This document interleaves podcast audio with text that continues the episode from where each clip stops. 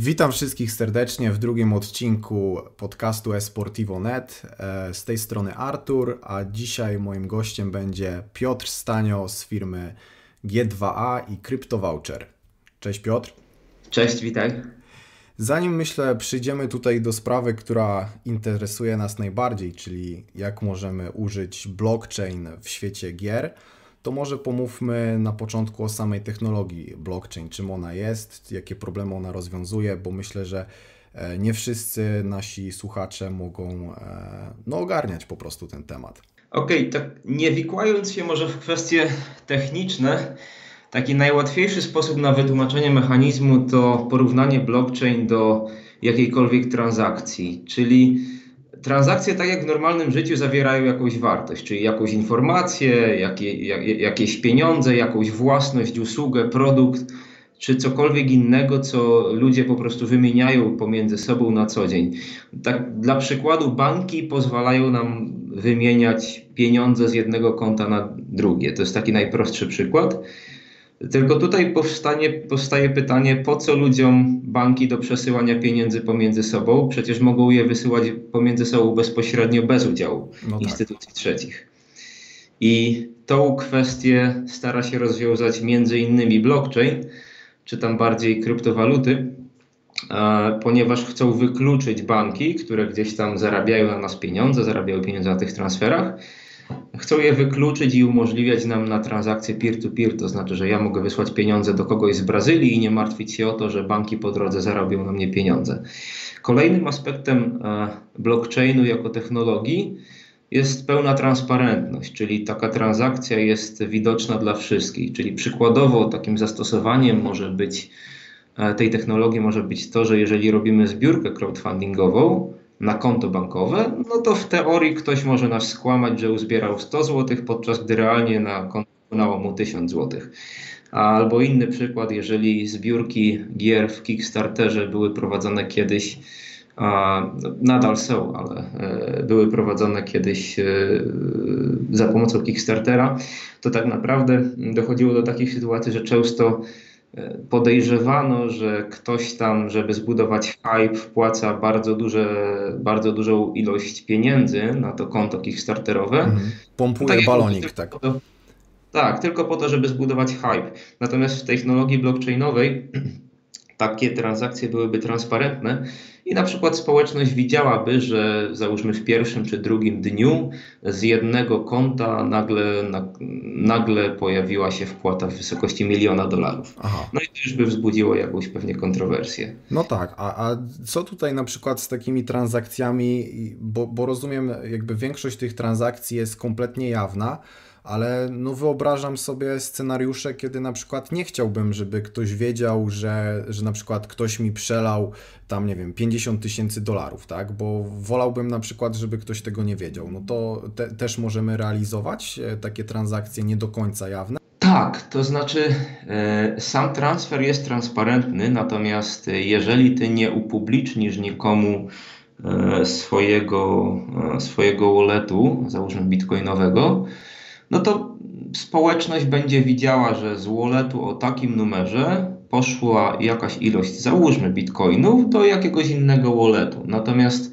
my nie wiemy, do kogo ten wallet należy, chyba że ty się ujawnisz i powiesz, że ten wallet należy do mnie, bo na przykład organizujesz, tak jak mówiłem, jakąś zbiórkę crowdfundingową. Aha, czyli, czyli tak naprawdę każdy może sobie zdecydować, że na przykład do danego jakby bloku w blockchainie można, nie wiem, dopisać jakąś informację jawną, która tam przez każdego może zostać e, rozpoznana, tak? No nie tyle do danego bloku w blockchainie możesz taką informację dopisać, co jeżeli, trzymajmy się tego przykładu mm, zbiórki pieniędzy, jeżeli zbierasz pieniądze na jakiś cel, to po prostu na swojej stronie internetowej pokazujesz, że to jest Twój wallet i po tym ludzie wiedzą, że on jest Twój. Natomiast sam wallet nie ma, sam ten numer Twojego walletu nie ma takiej, takiego parametru, którym dałoby się określić, że on jest Twój bądź nie Twój. Ruszyliśmy teraz dwie kwestie: Bitcoin i blockchain, tak? I myślę, że tu tak. dwie osoby, że, że, różne osoby mogą e, mylić te, te dwa pojęcia. Natomiast to jest bardziej tak, że chyba Bitcoin w jakiś sposób korzysta z blockchaina, tak? Tak, tak, zgadza się. Generalnie blockchain to jest technologia, która jakby cechuje się tym, co mówiłem, czyli taką pełną transparentnością, bezpieczeństwem transakcji, też tym, że jest jakby zdecentralizowana, czyli jakby społeczność nią zarządza. I jako technologia powstała wcześniej niż same kryptowaluty. No i dopiero ten sławny Satoshi Nakamoto tknął w nią życie projektując bitcoina. Więc to są dwie jakby, to należy rozpatrywać osobno. Czyli tak naprawdę mamy blockchain i jednym z zastosowań jest po prostu kryptowaluta, która jakby korzysta właśnie z tego protokołu wymiany informacji ale możemy w oparciu o ten blockchain zbudować także inne usługi, czyli nie tylko kryptowaluty. Dokładnie tak. Okej, okay, rozumiem. I tutaj e, teraz jeszcze taka kwestia, e, bo jednak większość projektów gamingowych związanych e, z blockchainem wymaga od userów posiadania już jakiejś kryptowaluty, tak? I teraz pytanie właśnie, jak możemy nabyć tą walutę, w najłatwiejszy sposób e, i po prostu móc coś za nią kupić? Tutaj jest kilka możliwości. E, tym, o czym słyszy się najwięcej, jest po prostu giełda bitcoinowa. Istnieje ich kilka, gdzie trzeba się po prostu zarejestrować, przejść weryfikację użytkownika na takiej giełdzie, następnie wysłać tam pieniądze, no i później za te pieniądze można po prostu kupować, można tradeować, czyli można sobie kupić bitcoina to jakby próg wejścia do takiej giełdy dla wielu użytkowników jest dosyć wysoki ze względu na to, że początkowo trzeba przejść weryfikację, no a następnie trzeba wysłać e, ten przelew bankowy, który często, to też zależy od giełdy, ale często wysyła się e, na przykład na rachunek bankowy, który może być albo poza Europą, albo może być prowadzony w innej walucie niż e, ta, która nam odpowiada, czyli załóżmy my mamy złotówki, Giełda jest obsługiwana w euro, więc automatycznie mhm. tracimy na przewalutowaniu. No tak.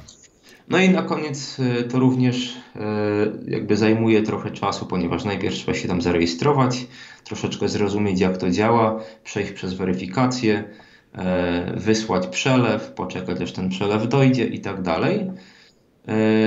I są też, jakby drugą opcją są też kantory internetowe, które działają troszeczkę łatwiej. E, no albo trzecia opcja e, to są tak zwane kryptowouchery, które mm, akurat, którymi akurat ja się zajmuję. I to jest taki, powiedzmy sobie, gift card, który można sobie kupić, na przykład na G2 albo na Kinguinie, albo na wielu innych serwisach, który zawiera jakąś wartość, załóżmy 100 euro. I użytkownik w momencie, gdy nabył sobie taki gift card, może go wymienić na bitcoina. Jakby to mhm. przewaga tego rozwiązania polega na tym, że nie trzeba mieć konta na giełdzie, nie trzeba się nigdzie rejestrować. Kupuje się to jak zwykły produkt, dokładnie w taki sam sposób jak Counter-Strike'a czy Battlefielda. Rozumiem, że też tam jest e, jakaś opłata za to, tak? Czyli na przykład jeżeli kupuję e, za 100 euro ten crypto voucher, tak? To e, dostaję w rzeczywistości 100 euro, czy dostaję to trochę po innym kursie? Nie, tam jest oczywiście troszeczkę inny kurs, ponieważ my jako platforma transakcyjna y, musimy zarabiać i mówię o tym wprost, ponieważ y, jesteśmy z tym transparentni. Natomiast y, ten spread wynosi od 2 do 4%. No dobra, myślę, że tutaj w takim razie wyjaśniliśmy sporo spraw. Wiemy, czym jest blockchain, e, wiemy, czym są kryptowaluty, wiemy, że kryptowaluty korzystają z blockchainu, e, wiemy też, e, jak możemy sobie nabyć prosto kryptowalutę.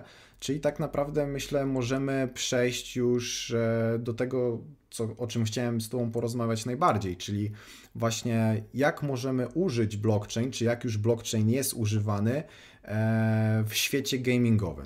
Rozwiązaniem, o którym słyszy się chyba najczęściej, jest stworzenie takiego uniwersalnego systemu i kryptowaluty, za którą będziemy mogli kupować przedmioty w grach. Czyli wyobrażamy sobie, że znaleźliśmy superpotężny miecz w grze, nie wiem, Dragon Age i chcemy go sprzedać albo wymienić za zbroję w World of Warcraft. I wszystko to dałoby się zrobić za pomocą właśnie takiej uniwersalnej platformy i specjalnej kryptowaluty, która do tego by służyła. No, przykładem takich projektów jest na przykład Game Credits, Flux czy Engine Coin. I to jest bardzo ciekawe, y, Natomiast podstawowym problemem tutaj jest to, że twórcy z dla mnie niewiadomego względu zakładają, że wydawcy gier e, i twórcy gier będą zainteresowani zaimplementowaniem takich rozwiązań w swoich grach. W przypadku gier dużych i średnich jest to dla mnie bardzo ciężkie sobie do wyobrażenia, bo powstaje pytanie, dlaczego taki, załóżmy, Electronic Arts nie miałby zrobić takiego systemu samemu. E, zresztą niedawno dowiedzieliśmy się, że Atari chociażby planuje wypuszczenie własnej kryptowaluty. Co ciekawe, ich akcje na giełdzie poszybowały. Czyli tu się może okazać, że tak naprawdę Blizzard. Yy nie będzie zainteresowany uczestnictwem w takim e, projekcie blockchainowym typu Game Credits czy innym, ponieważ oni jakby mają środki finansowe. Dokładnie tak. Natomiast, żeby oddać jakby pełen obraz sytuacji, weźmy pod uwagę to, że taki system miałby szansę powodzenia e, na rynku gier niezależnych i w dłuższej perspektywie ta szansa jest, ponieważ mhm. tak naprawdę, jeżeli popatrzymy sobie na indyki, mm, to wystarczy, że jeden z setek deweloperów niezależnych zaimplementuje go e, do swojej gry, a ta gra okaże się akurat ogromnym sukcesem. Więc jednocześnie wypromowana zostanie dana kryptowaluta. Nie wiem, wyobraźmy sobie, e, załóżmy Don't Starve. Gra indyk, typowy indyk, który okazał się ogromnym sukcesem. Jeżeli twórcy dogadaliby się wcześniej, e, załóżmy z takim Game Credits, no to tym momencie prawdopodobnie Game Credits byłoby dużo bardziej popularne.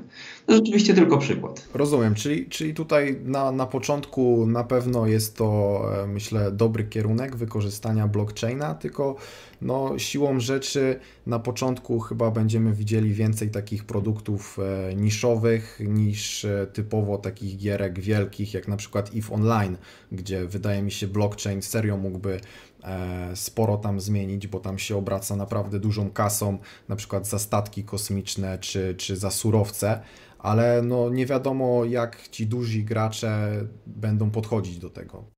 Zdecydowanie. Jeszcze EVE Online to jest chyba taki perfekcyjny przykład gry, która mogłaby naprawdę z takiego systemu skorzystać. No ale to tak jak mówiłem, ja osobiście w to nie wierzę, bo uważam, że twórcy sami, jeżeli już, to sami takie systemy by implementowali. Kolejnym, jakby nie, nie licząc już nawet tego, że twórcy, czy tam bardziej nie, publisherzy gier, e, no jakby z natury rzeczy są bardzo zachłanni, po prostu chcą mieć, zachować pieniądze i kontrolę nad produktem dla siebie.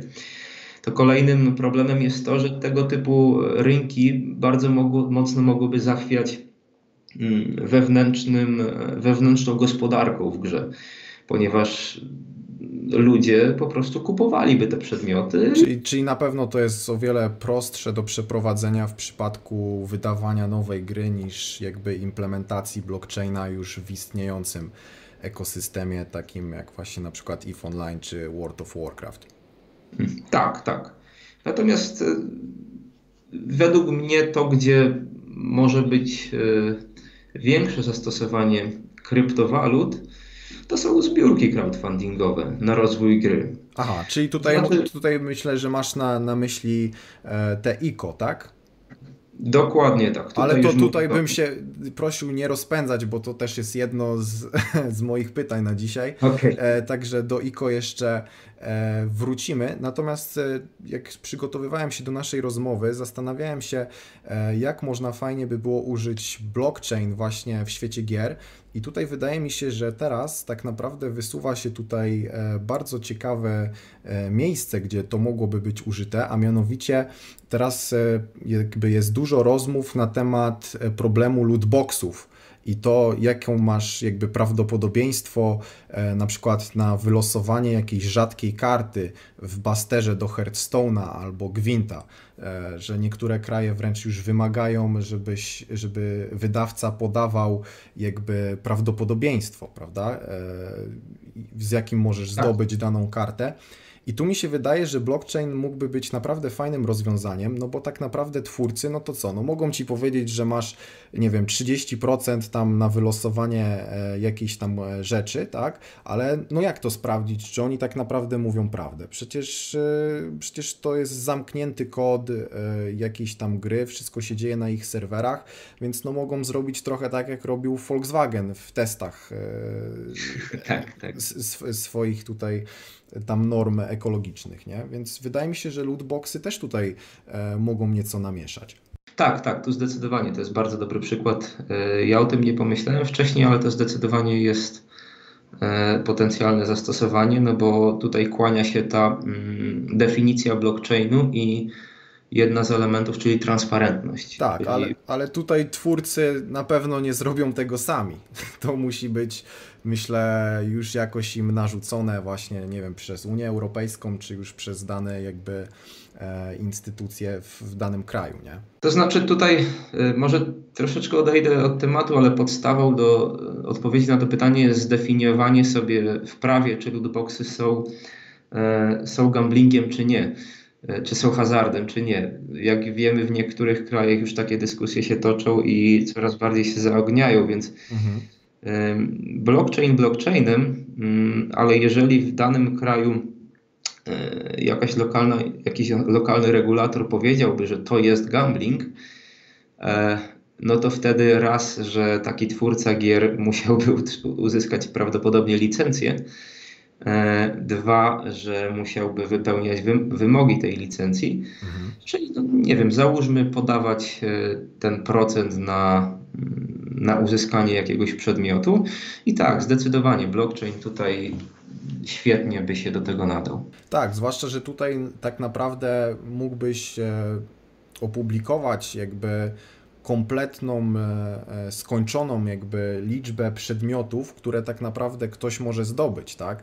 I wtedy bardzo łatwo by można było w blockchainie sobie sprawdzić, kto posiada na przykład jakiś super, hiper legendarny miecz i faktycznie mógłbyś być pewien, że to jest jedyny miecz w tej grze i e, nikt go nagle sobie po prostu od tak z kapelusza na serwerze nie, nie wytworzy, nie? Tak, tak, tak, dokładnie, dokładnie tak starałem się jeszcze znaleźć parę e, jakby plusów blockchaina, e, które by przemawiały za tym, żeby użyć tej technologii w świecie gier. I tutaj też wydaje mi się, że w niektórych przypadkach mogłoby zaważyć e, mniejsze opłaty za mikrotransakcje, tak? Gramy sobie na przykład w jakieś tam, nie wiem, Pokémony online, prawda? No i teraz jak jest twórca gry, no to on na przykład sprzedaje mi za 2 dolary jakieś lepsze pokebole, prawda? I teraz on, jakby twórca gry, musi mi dać coś za 2 dolary, ale nie może mi na przykład sprzedać czegoś za 10 groszy. No bo tak naprawdę jakby mija się to z celem, bo sama jakby opłata za tą transakcję będzie dużo większa niż e, jakby pobranie ode, ode mnie tych 10 groszy. I teraz wydaje mi się, że to jest całkiem e, mo, może nawet niez, niezłe pole do popisu dla twórców gier, że mogą wprowadzić na przykład takie mikro, mikro transakcje, tak? Czyli, że jestem w stanie kupić jakiegoś pokebola tak naprawdę za, nie wiem, jedną e, milionową części bitcoina, załóżmy. Tak, to jest do zrobienia. Tutaj generalnie chodzi o to, że mm, twórca gier ominąłby system płatności po drodze. Czyli nie oddawałby jakiejś tam, jakiegoś tam procentu swojego zysku e, do firmy zewnętrznej, która procesuje dla niego płatność. Mm, to nie są aż, tyl, aż na tyle wysokie opłaty, żeby zrobiły realną różnicę dla gracza, mhm. ale na pewno z perspektywy wydawcy jeżeli, który ma duży, mm, dużą wartość sprzedaży, to na pewno będą kwoty, które Znaczące. już. Rozumiem. No i tutaj jeszcze chyba taki też książkowy przykład blockchaina, no to są jakieś różne transparentne systemy głosowania, nie? Czyli, czyli po prostu też e, na przykład wydawcy mogliby się nas pytać, e, nie wiem, o jakąś decyzję dotyczącą gry albo jakiejś sytuacji na serwerze, tak? A gracze też mogliby oddawać na przykład głosy na to e, właśnie z użyciem blockchaina, nie? Tak, każda, każda decyzja, która, którą jakby wydawca chciałby oddać community może być zawarta mm, w technologii blockchainowej czyli każdy głos będzie widoczny, jakby wydawca nie może przy tym majstrować, to jest transparentne, my dokładnie widzimy, kiedy E, kiedy i ile głosów na co zostało oddanych, więc zdecydowanie tutaj też można byłoby technologię wykorzystać. Tak, tutaj też pytanie, czy, czy to im też niektórym wydawcom byłoby na rękę? Oczywiście, to jest duże pytanie. No, wychodzimy z założenia, że wydawca generalnie jest chciwy i chce zarabiać pieniądze, ponieważ pewnie zdecydowana większość z nich jest firma, są to firmy notowane na giełdzie, więc muszą niestety pokazać coś inwestorom, żeby ich akcje wzrastały. Tak, jasne, muszą, muszą zarabiać, bo no, też bez tego nie będzie fajnych gier. Tu też jakby trzeba to jasno powiedzieć, nie? Zdecydowanie muszą zarabiać, natomiast wiadomo, że są różne metody, żeby to robić. E, I chyba na przykład przykład e, Battlefronta ostatniego nam pokazuje, no tak. jak tego nie robić na przykład. Natomiast wróćmy jeszcze może tutaj e, do projektów z branży gier, które już korzystają z blockchaina. Czy tutaj coś zwróciło Twoją szczególną uwagę? Jakiś projekt, który już teraz korzysta z blockchaina albo obiecuje z niego korzystać? Więc oprócz tych, e, które powiedziałem, czyli na przykład Game Credits e, czy, czy, czy, czy, czy, czy, czy Flags, Ciekawostką może dla, dla, dla graczy, szczególnie dla takich graczy, powiedziałbym w wieku 14 do, do 18 lat, którzy chcieliby sobie zarobić troszeczkę pieniędzy, a e, mają mocny sprzęt.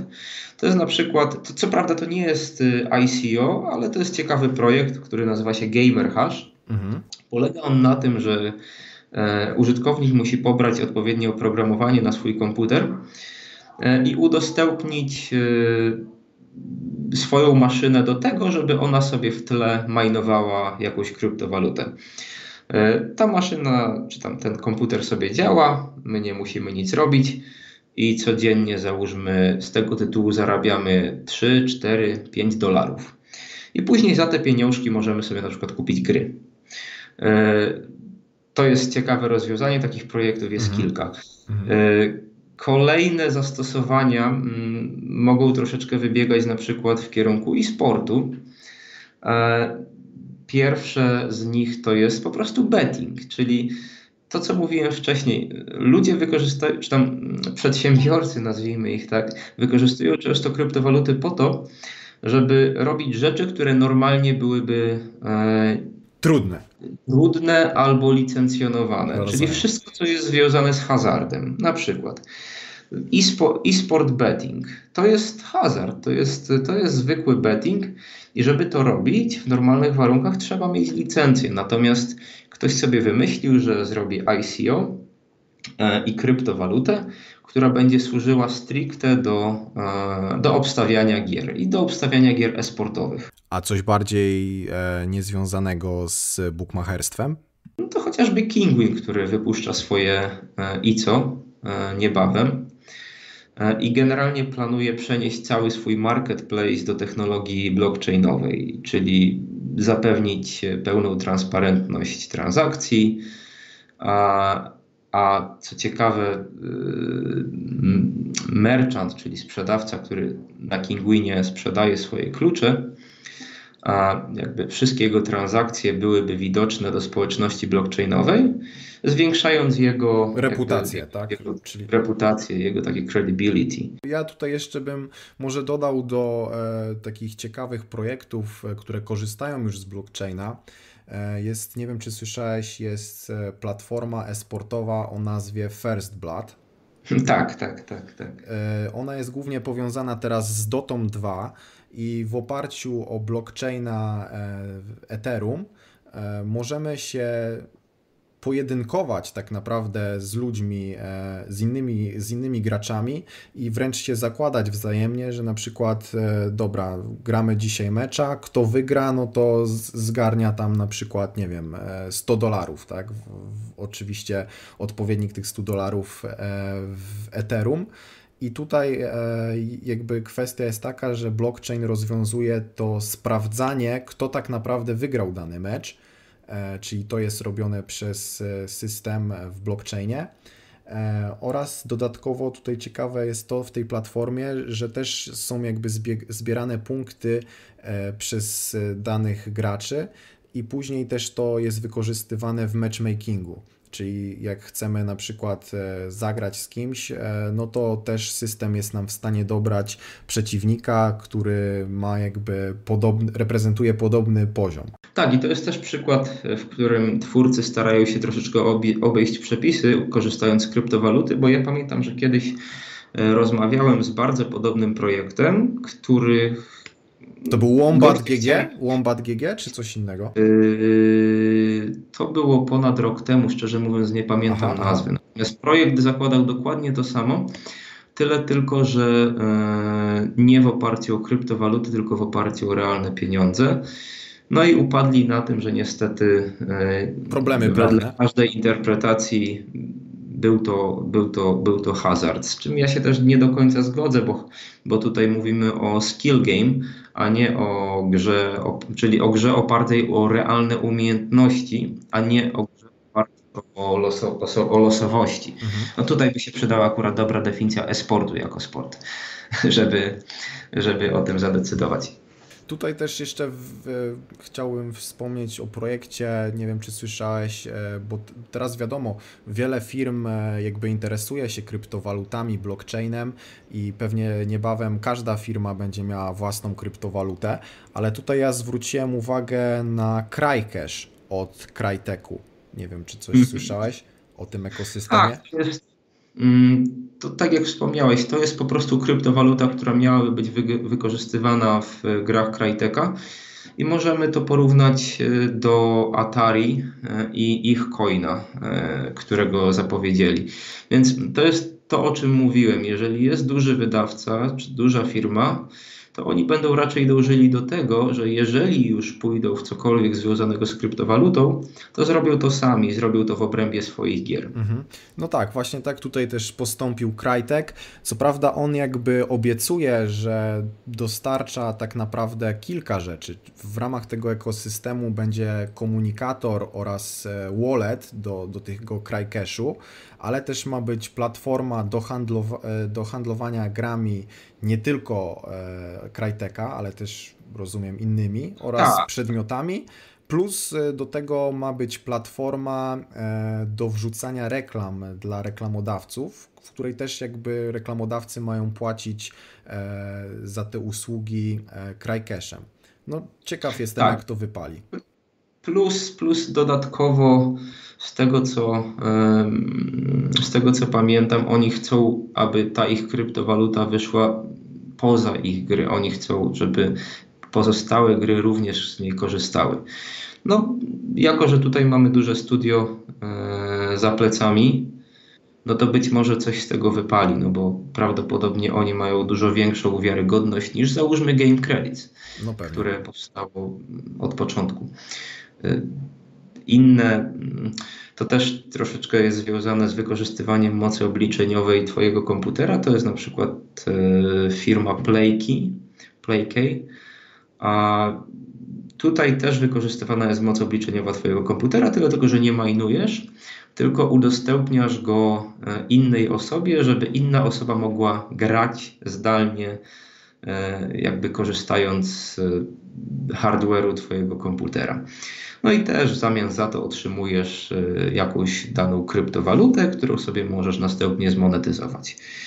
No to oczywiście wymaga silnego sprzętu. No i też na pewno dobrego neta. Tak, tak. W dzisiejszych czasach ja, ja sam testowałem podobne rozwiązania i działało mi to dosyć sprawnie. Więc wydaje mi się, że w dzisiejszych czasach, mówiąc o Europie, czy tam Stanach, to raczej nie powinno być z tym problemu. Takich projektów, które korzystają już z blockchaina albo które obiecują, że będą z niego korzystać, no to e, jest całkiem sporo i moglibyśmy tutaj e, pewnie opowiadać do jutra. E, tutaj jeszcze takie krótkie pytanie, które teraz mi się tak naprawdę nasunęło, ponieważ Wydaje mi się, że dużo firm teraz tak naprawdę będzie próbowało wypłynąć na fali blockchaina i jak tutaj tak naprawdę zweryfikować, czy firma nam najzwyczajniej w świecie nie wciska kitu, że nam mówi, że słuchaj, my tu działamy w blockchainie, a tak naprawdę mają jeden scentralizowany serwer. Ja bym generalnie e, nie dewaluował kogoś e, tylko dlatego, że, e, że jest scentralizowany. Ja wiem, że to troszeczkę zaprzecza wartości blockchainu, natomiast jak pokazuje nam kryptowaluta o nazwie Ripple, E, żeby odnieść sukces, wcale nie trzeba być zdecentralizowanym. Mhm. Więc z pozycji inwestora, czy tam z pozycji nawet gracza, jeżeli coś nie jest w blockchainie, ale, ale jest sensowne, to ja bym tego nie odrzucał. Natomiast, żeby ocenić e, wiarygodność, ja powiem w ten sposób. E, wszystkie ICO, które w tym momencie są wypuszczane, e, to jest marketing. Przede wszystkim to jest marketing. Jeżeli spojrzy się na ich plany, e, na ich budżet, to Mhm. One od początku zakładają, że od 20 do 50% zebranych funduszy po prostu zostanie spożytkowana na marketing. Więc jak dla mnie najważniejsze, najważniejsze w ocenie ICO e, jest sprawdzenie, czy dana firma, czy dany projekt, czy oni już coś mają. Czy oni, bo bardzo często jest tak, że ktoś przychodzi, obiecuje gruszki na wierzbie, powie, że zrobimy to, tamto, siamto, no i później mamy No Man's Sky, tak? Tak, e, tylko tutaj, wiesz co, jeszcze chwilkę bym tylko się skupił, e, czym tak naprawdę jest ICO bo, bo tutaj jakby już wchodzimy w ten temat, ale domyślam się, że parę osób, albo e, może nawet większość osób, które będą nas słuchać, może tak naprawdę nie wiedzieć, czym jest ICO. Mhm.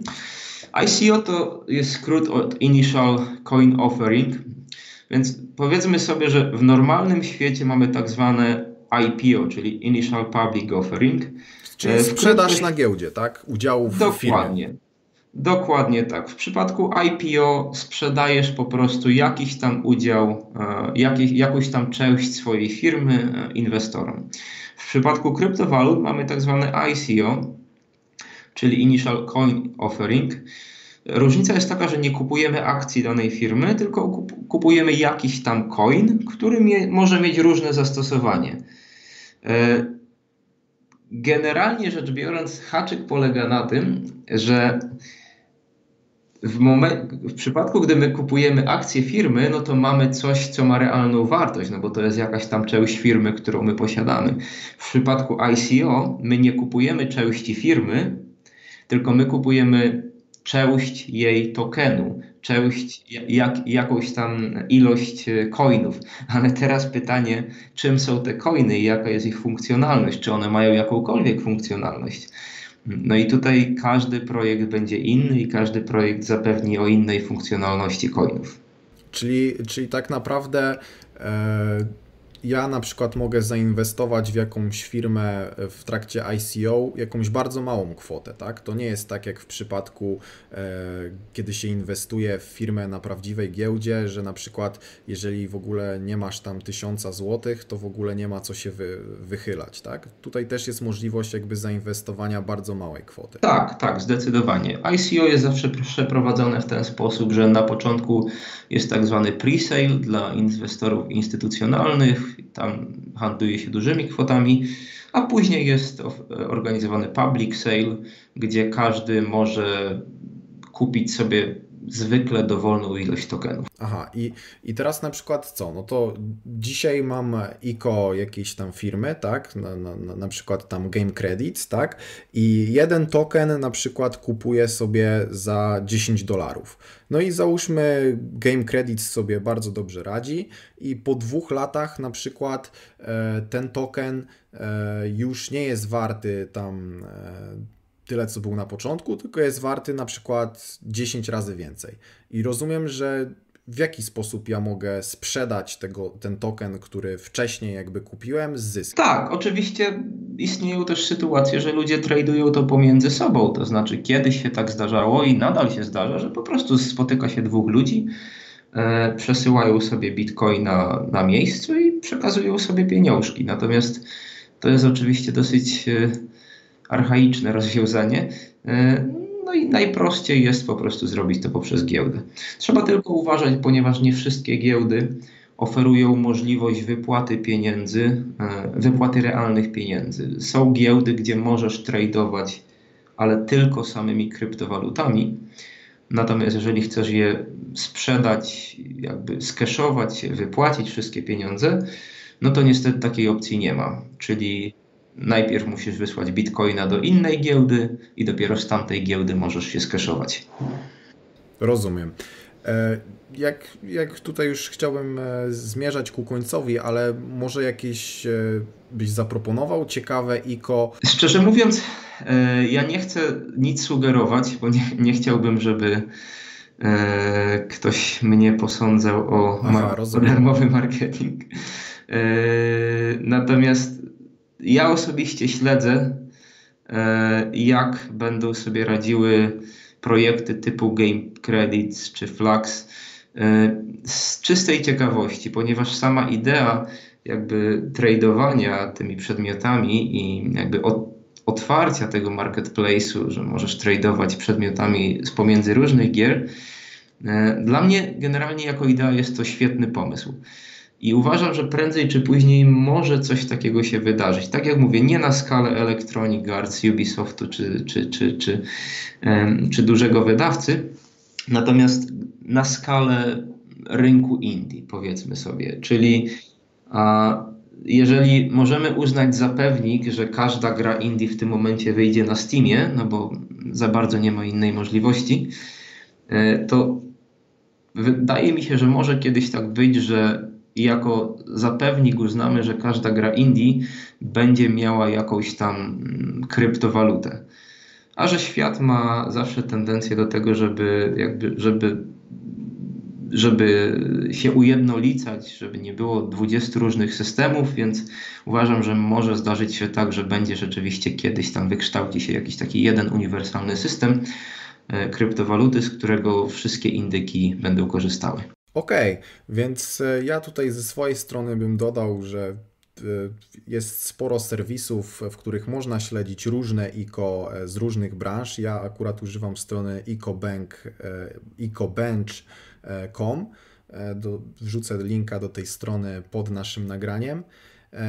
Też będę się oczywiście przypatrywał tutaj projektowi Game Credits też wydaje mi się, że, że może on e, nieźle wystrzelić. E, no i tutaj jeszcze chciałem dodać, że e, jakby przez to, że jest teraz dużo problemów z różnymi ICO, że właśnie ludzie po prostu zbierają pieniądze i tak naprawdę nie powstają żadne projekty ciekawe w oparciu o, o, o, te pieniądze, tylko po prostu ktoś je zabiera i sobie, nie wiem, leci gdzieś na jakąś piękną wyspę.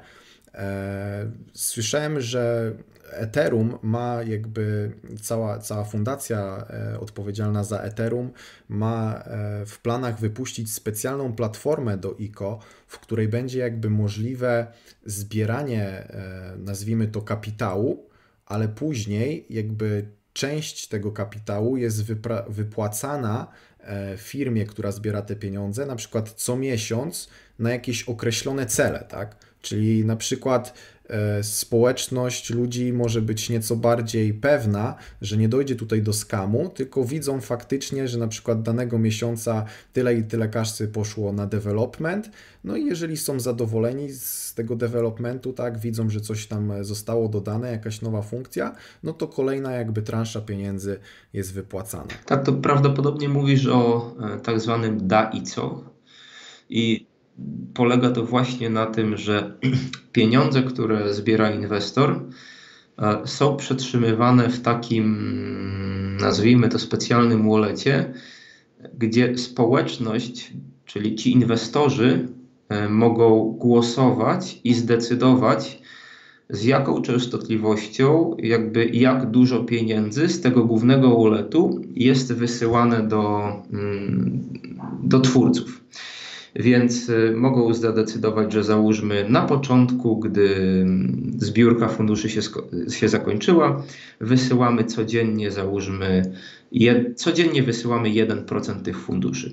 Po tygodniu czasu robią głosowanie i sprawdzają, czy są zadowoleni z progresu, czy nie. Jeżeli są zadowoleni z progresu, to mogą tą, tą, tą, tą, mm, jakby ten kurek troszeczkę bardziej odkręcić Natomiast jeżeli są niezadowoleni z progresu, to mogą nawet e, we wspólnym Zakręcić. głosowaniu zakręcić kurek i odzyskać resztę pieniędzy czy tam resztę tej kryptowaluty, którą tam wpłacili. I to jest właśnie, wydaje mi się, wspaniałe w, w tej technologii, w blockchainie, że dużo tutaj kwestii jest właśnie jakby regulowanych czy wymyślanych przez bardzo aktywną społeczność. I to wydaje mi się rodzi tak naprawdę potężne możliwości wykorzystania e, tej platformy do właśnie budowania ciekawych projektów.